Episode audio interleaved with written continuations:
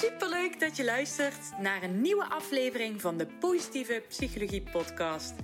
De podcast waarin ik je alles leer over de kracht van positieve psychologie, mijn eigen ervaringen deel en tips geef voor een positievere mindset. Zo leg jij de fundering voor een gelukkiger leven. Hoi, lieve lieve luisteraars. Welkom bij een nieuwe aflevering van de Positieve Psychologie Podcast. Vandaag is Lieke van Norel te gast in de podcast. Ik had namelijk van de week in mijn story gedeeld uh, wie graag zijn verhaal wilde komen doen op de podcast. En Lieke die reageerde meteen. Lieke die kampt met een paniek en een angststoornis en ze wilde graag wat meer daarover vertellen. Lieke, van harte welkom. Wat leuk. Wat dapper. Dankjewel, dankjewel. Ja, ik ben, uh, ben heel enthousiast. Ben ja. een beetje zenuwachtig wel, maar... Oh, dat geeft niet. dat nee. gaat helemaal goed komen. Ja, dat denk ik ook. Een paniek- en angststoornis, hoe, hoe, hoe, hoe kwam je erachter dat je dat had? Ja, uh, dan gaan we ongeveer drie jaar terug in de tijd. Um, de allereerste keer dat ik merkte dat ik uh, last had van een paniekaanval, dat was uh, toen ik bij mijn vriend thuis was. Wij woonden op dat moment nog niet samen en ik sliep bij hem. En zijn broertje was ziek. En die hoorde ik beneden op de, of op de toilet hoorde ik hem overgeven. En ja, er gebeurde zoiets raars in mijn lichaam. Ik begon te shaken, ik begon te zweten. Ja, ik raakte echt volledig in paniek en ik wilde heel graag weg. Um, maar ja, dat kon op dat moment niet, want hè, ik lag nog steeds in bed. En um, ja, eigenlijk heb ik het een beetje proberen te verbloemen tegenover mijn vriend. Um, ja, en het een beetje weggestopt. Want ik dacht, ja, het zal wel zijn omdat ik zelf niet zo lekker uh, me niet zo lekker voel. En buiten dat, wie vindt het wel fijn om iemand te horen overgeven? Dus dat was eigenlijk mijn eerste, ja, eerste keer dat ik een uh, paniekaanval ervaarde. Mm -hmm. En hoe, hoe, wat, wat merkte je? Merkte je lichamelijk iets? Of? Ja, voornamelijk heel veel lichamelijke klachten. Echt het, uh, het trillen, het zweten. Um, heel erg veel paniek in mijn lijf, heel veel onrust. Mm-hmm. uh, terwijl mijn gedachten deden eigenlijk niet eens zo heel veel. Ik, ja, ik, het enige wat ik op dat moment deed was een kussen over mijn hoofd. In de hoop dat het uh, snel voorbij was. Um, maar qua gedachten verder had ik niet eens heel veel, heel veel last. Mm-hmm. En was dat de eerste keer dat je iemand hoorde overgeven? Nee, niet eens. Ik heb uh, ja, vaker mensen zien overgeven, erbij gestaan um, nooit eerder echt last van gehad. Ja, toen ik uh, wat jonger was, uh, wel mijn vader, die had uh, een ontsteking aan zijn slokdarm, waardoor mhm. hij heel vaak um, braakneigingen kreeg. En wat ik me wel kan herinneren is dat ik dat vroeger niet een fijn geluid vond, maar ik had niet toen de tijd zeg maar echt die paniek zoals ik dat toen ervaarde in bed. Mm -hmm. hey, en toen, je zegt ik heb dat een beetje verbloemd toen. Mm -hmm. en, en, en toen? Gebeurde het een tweede keer nog ergens? Ja, ik uh, overgeven, dat zie je natuurlijk niet heel erg vaak. Ik, ik was ook niet het type wat vaak uitging. Dus ik maakte dat niet heel vaak mee. Maar um, ik heb nog wel een paar situaties gehad uh, ja, waarin hetzelfde naar boven kwam. Zo stond ik een keer op het station. En uh, bij het station heb je altijd van die, van die hokjes waar je lekker warm kan zitten. Nou, dat wilde ik dus gaan doen. En uh, op het moment dat ik die deur opentrok, zag ik echt een braaksel liggen. En de paniek schoot me zo erg uh, omhoog dat ik gewoon weer terug naar huis ben gegaan.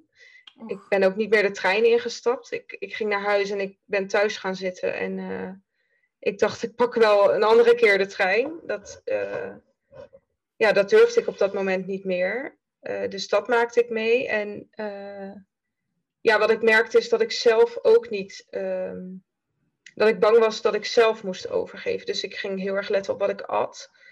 Um, ja, en als ik me al een beetje ziek voelde, dan, ja, dan kon ik ook wel in paniek raken.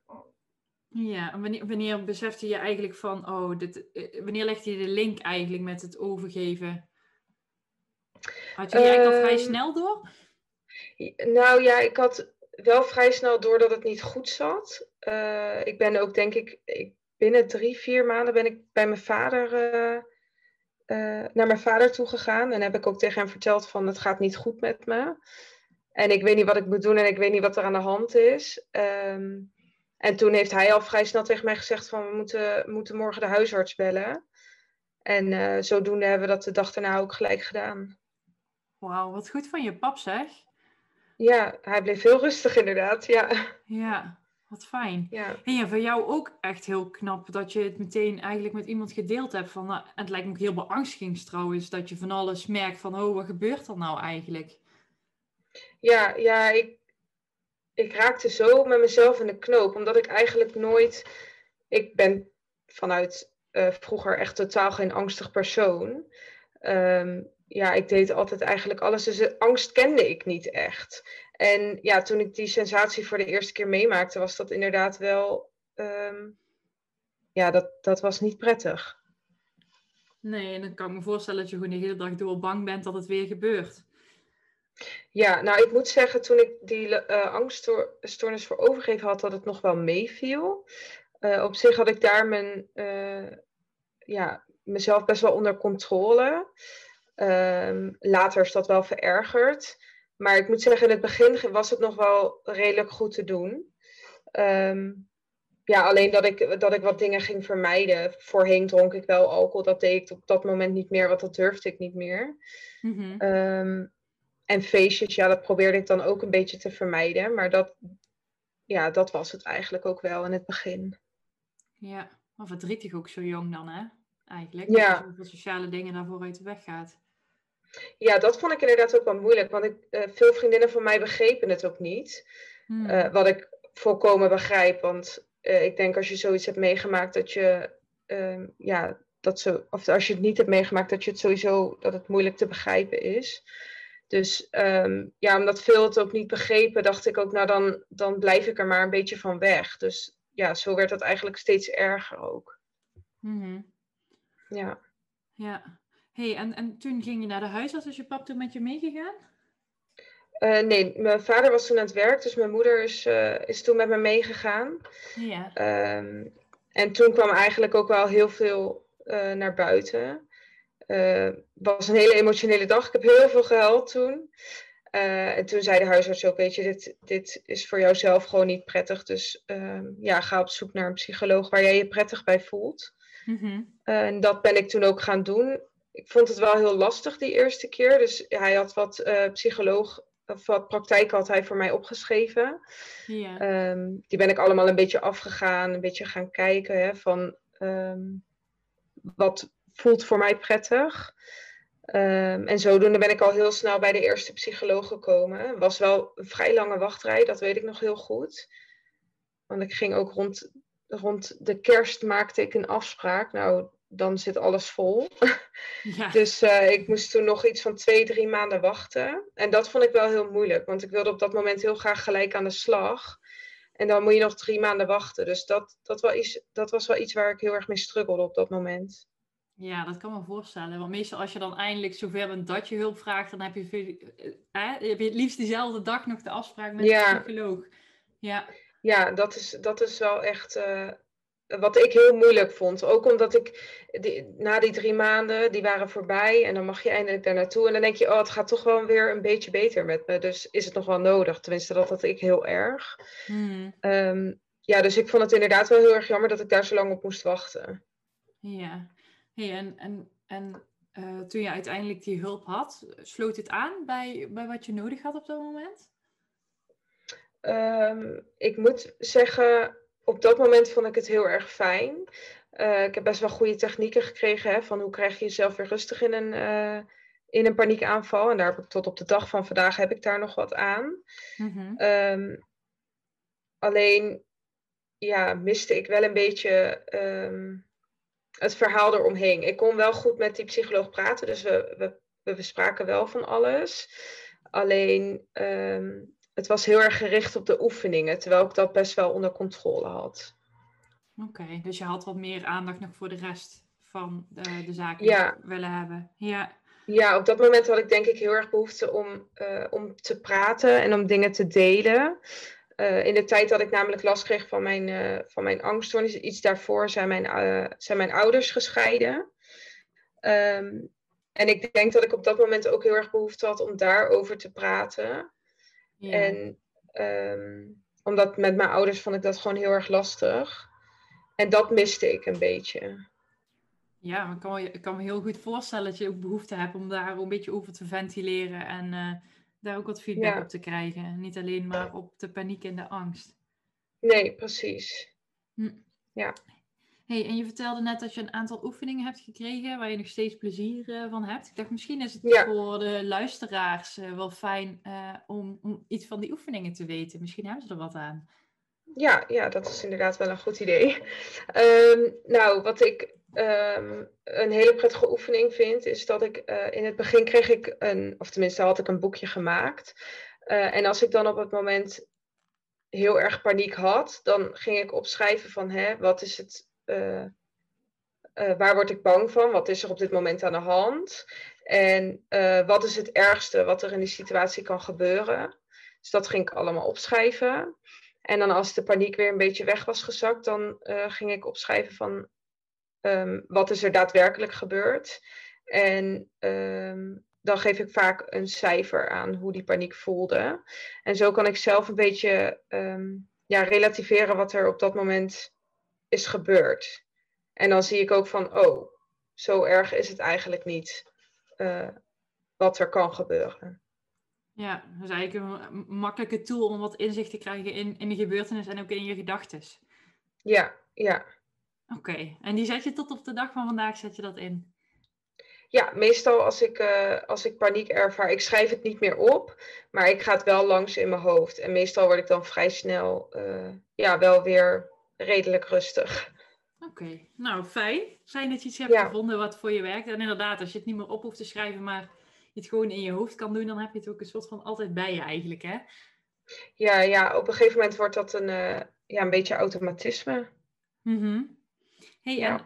en, en um, na die psycholoog uh, en die, die je zoveel oefeningen gaf, was dat het? Was dat voor jou voldoende om er grip op te krijgen? Of heb je daarna nog andere dingen geprobeerd?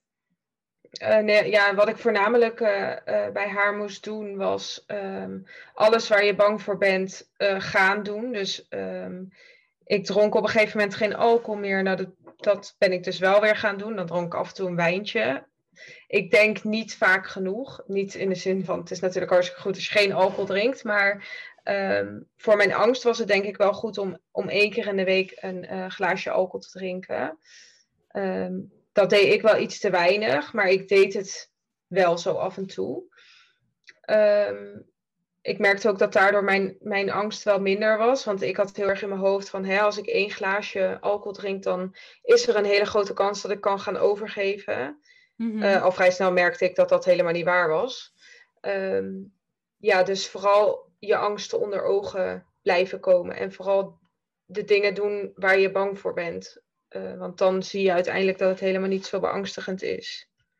Ja, wat knap van je zegt. Dat lijkt me echt, het lijkt me echt heel erg lastig. Dat als je iets zo eng vindt, dat je het toch moet gaan proberen. En ja. Uh, dan hoor ik je zeggen van nou, ik heb het dan toch af en toe geprobeerd. En dan eigenlijk dat, hè, dat sluit aan bij wat je net zei, dat je het leven je dan het tegendeel bewijst, inderdaad. Ja, ondanks dat dat nog steeds soms een struggle kan zijn hoor. Want ja, gedachten spelen daarin gewoon een hele grote rol. En uh, die, mijn gedachten werken ook niet altijd mee. Dus uh, ja, soms dan lukt het me ook niet hoor. Maar dat, uh, ja, dat verschilt weer per dag. Ja. Ja, het kan niet elke dag. de ene dag makkelijker dan de andere natuurlijk. Ja, zeker. Ja. ja. En heb je buiten dat glaasje wijn nog meer, meer andere dingen geprobeerd om de confrontatie mee aan te gaan? Um, nou, wat ik op dat moment ook heel eng vond, was uh, met de trein reizen. Ja. Uh, dus dat ben ik toen ook weer gaan doen. Uh, iets minder vaak dan dat ik had gewild, omdat ik dat dus echt heel eng vond. Mm-hmm. Um, dus dat heb ik nog wel een beetje vermeden. En ik merk ook dat ik daar tegen mijn psycholoog, psycholoog af en toe overloog. Dan vroeg zelf of ik het had gedaan, maar dan dacht ik, hé, ik zeg gewoon dat ik het heb gedaan, want dan ben ik er vanaf. Dus ik merkte mm. dat ik uh, soms wel een beetje smoesjes ging, uh, ging zoeken.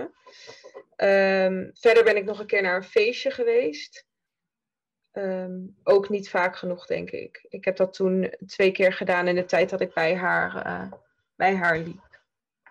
Mm -hmm. ik, hoor, ik hoor je bij alles eigenlijk zeggen niet vaak genoeg. Maar jij hebt het wel gedaan, ja, als, toch? ja, maar als ik, er, als ik er zeg maar nu op terugkijk, ja. Ehm, denk ik toen de tijd had ik dat echt meer moeten doen, want het had me zoveel geschild als ik het toen gelijk had gedaan. Mm Ja, snap ik. Ja, omdat na die periode is het best wel weer bergafwaarts gegaan toen ik uh, bij die psycholoog klaar was. Ja. Ging een tijdje goed en daarna ging het weer heel erg bergafwaarts. En toen werd ik echt bang voor, voor alles. Voor het hele leven, zeg maar. Dus ja, ik had, als ik nu erop terugkijk, had ik toen de tijd toch iets liever alles wat vaker gedaan. Ik denk mhm. dat me dat wat had gescheeld. Ja, dat je aan wat meer dingen was blootgesteld geweest. Ja, ja. ja. Hey, want toen ging het heel erg achteruit, bang voor alles. Dat lijkt me helemaal akelig. Hoe, hoe, hoe ben je daaruit gekomen? Poeh, dat was een hele weg. Ehm, ik heb toen de tijd uh, er best wel lang mee gelopen. Ehm, omdat ik het gevoel had dat uh, mensen om mij heen wisten wel wat er met mij aan de hand was. Alleen ik had altijd een beetje het gevoel dat ehm, mensen om mij heen vonden dat ik me aanstelde. Dus ik heb het best wel lang voor me gehouden. Mhm. En um, ja, ik vermeed gewoon alles. En op een gegeven moment, um, bel, of toen appte ik mijn moeder als het goed is. En toen zei ik, mam, het gaat echt niet goed met me. Ik, ik leefde in zo'n waas. Ik zat totaal in mijn eigen wereld. Hmm. En heel angstig, alleen maar thuis. En ja, op dat moment belde ik mijn moeder en ik zeg, het kan echt niet meer en ik weet niet wat ik moet doen. En toen zei zij ook tegen mij van, je moet kijken wat voor jou het allerbeste is. En eh, de mhm. dag daarna heb ik ook weer besloten om toch hulp te zoeken, want ja, op dat moment ging het gewoon echt niet meer. Ja, wat verdrietig en alleen dat ook je omgeving je dan niet begrijpt, hè? Dat je eigenlijk ja, kwetsbaar is... opstelt en dat, dat mensen het een beetje wegwuiven. Ja, dat vind ik denk ik ook wel het moeilijkste van uh, een angststoornis. Mensen, ik denk zelf, als je het nooit hebt meegemaakt, is het heel moeilijk te begrijpen wat, wat iemand meemaakt. En vooral ook juist advies geven of er voor iemand zijn is op dat moment heel moeilijk, want je weet niet wat iemand voelt. Mhm. Dus ik denk dat dat ja, voor de omgeving ook best wel moeilijk is. Mm wat, wat zou jij als, als tip of advies geven als, je, als, als er nu iemand luistert en die heeft in zijn omgeving iemand met angst en, of een paniekstoornis? Wat is dan het juiste om te zeggen of wat zou je kunnen proberen? Ik denk dat het allerbelangrijkste is om er gewoon voor die persoon te zijn. En het hoeft niet eens in de zin van uh, een gesprek met iemand te voeren, maar mhm. wel ehm, ja, klaarstaan voor diegene. Als diegene zegt het gaat niet, ga naar die persoon toe op het moment dat het kan natuurlijk. En laat zien dat je er bent, want dat voelt al een, een, stuk minder alleen. Ja, dus gewoon uh, eigenlijk luisterend oor bieden en uh, misschien wel een arm om iemand heen slaan en ja. gewoon zijn. Ja, ja precies. Oké, nou dankjewel voor je tip. hey, en uh, de dag erna, je had gebeld voor hulp. En, en, en mhm. toen, hoe ging het toen verder? Uh, nou, dat was wel heel fijn, want ik ging op dat moment naar een andere psycholoog. Ja. Ehm, en uh, daar kon ik, diezelfde week kon ik nog terecht. Dus daar was ik super blij mee. En um, ja, ik kwam daar, daar bij de psycholoog en Ehm, het voelde voor mij al een stuk professioneler dan de eerste psycholoog waar ik was geweest. Uh, er kwamen ook meerdere mensen mee uh, luisteren van hè, uh, wat is er met haar aan de hand en wat heeft ze nodig. En we hebben echt alles besproken van hoe ik als kind was. Um, ja, hoe ik mijn middelbare schooltijd heb meegemaakt. En echt alles kwam aan bod. En op dat moment kwamen we eigenlijk tot de conclusie dat er, um, ja, dat er wel uh, dingen waren waar ik heel erg verdrietig om was. Dus dat hebben we toen ook wel een beetje besproken. Mm en op dat moment vond ik het heel fijn, omdat ik eindelijk een keer mijn verhaal echt kwijt kon en uh, iemand ook echt naar mij luisterde. Mm Want dat was ook precies waar je behoefte aan had en wat je de eerste keer niet kreeg natuurlijk. Echt het hele verhaal en alles erop en eraan. Ja, dus dat vond ik inderdaad heel prettig. Ja, Hey, en, en je zegt, ik was over een aantal dingen verdrietig. Is dat uiteindelijk dan de basis geweest waarop die angst- en paniekstoornis is ontstaan? Of doe ik de verkeerde aanname?